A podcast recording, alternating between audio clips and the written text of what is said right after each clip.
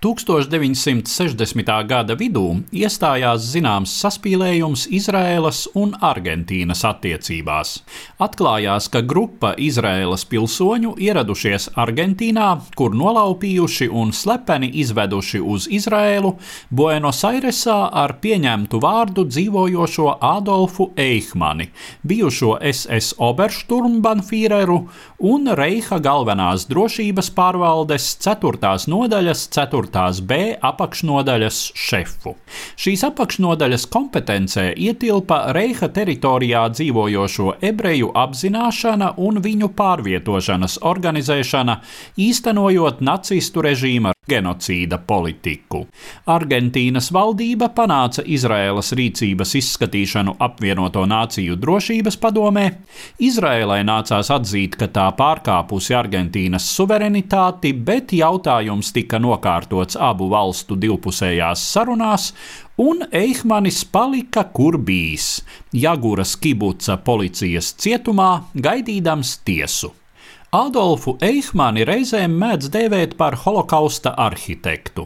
Tomēr diezin vai šāds apzīmējums viņam īsti piedien.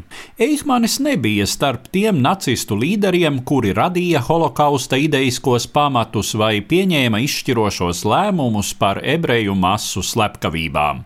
Domājams, pulkveža leitnanta dienesta pakāpe un apakšnodaļas vadība arī bija augstākais iespējamais karjeras pakāpiens šim individam kurš bez diploma bija pabeidzis studijas Tehniskajā koledžā un līdz kļūšanai par SS organizācijas locekli strādājis par reģionālo aģentu kādas amerikāņu naftas kompānijas Austrijas filiālē.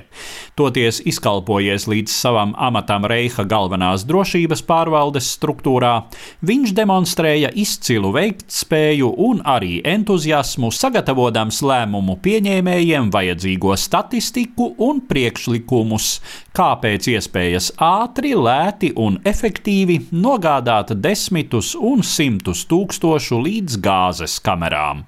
Eihmaņa tiesas prāva sākās 1961. gada 11. aprīlī. Eihmanis pamatā balstīja savu aizstāvību banālajā tēzē par pakļaušanos augstāk stāvošo pavēlēm. Tomēr notiesājošo spriedumu šī taktika viņam neaiztaupīja, un Adolfs Eihmanis tika atzīts par vainīgu noziegumos pret cilvēci, kara noziegumos un noziegumos pret ebreju tautu, kā arī pret poļu, slovēņu un čigānu tautības civiliedzīvotājiem nacistu okupētajās teritorijās. 1961. gada 15. decembrī tika pasludināts spriedums - nāves sots. Spriedums tika izpildīts 1962. gada 31. maijā. Kā prāvas sākumā deklarēja apsūdzības uzturētājs, Izraēlas galvenais prokurors Gideons Hausners, apsūdzības mērķis bija Eihmaņa personā tiesāt nevienu nacisma režīmu, bet visu antisemītisma vēsturi. Tomēr diezin vai šis apsūdzētais īsti atbilda tādam amploā. Simti skatītāju tiesas zālē un miljoni pie televizoru ekrāniem redzēja savā priekšā negaidīti ikdienišķu personu, karjeristu, izpildīgu un izdarīgu ierēdnīti.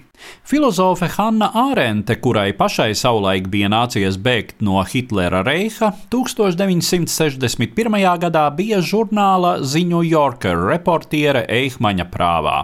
Vēlāk tapušajā grāmatā Eihmanis Jeruzalemē viņa nodēvēja tiesājamo par ļaunuma banalitātes iemiesojumu.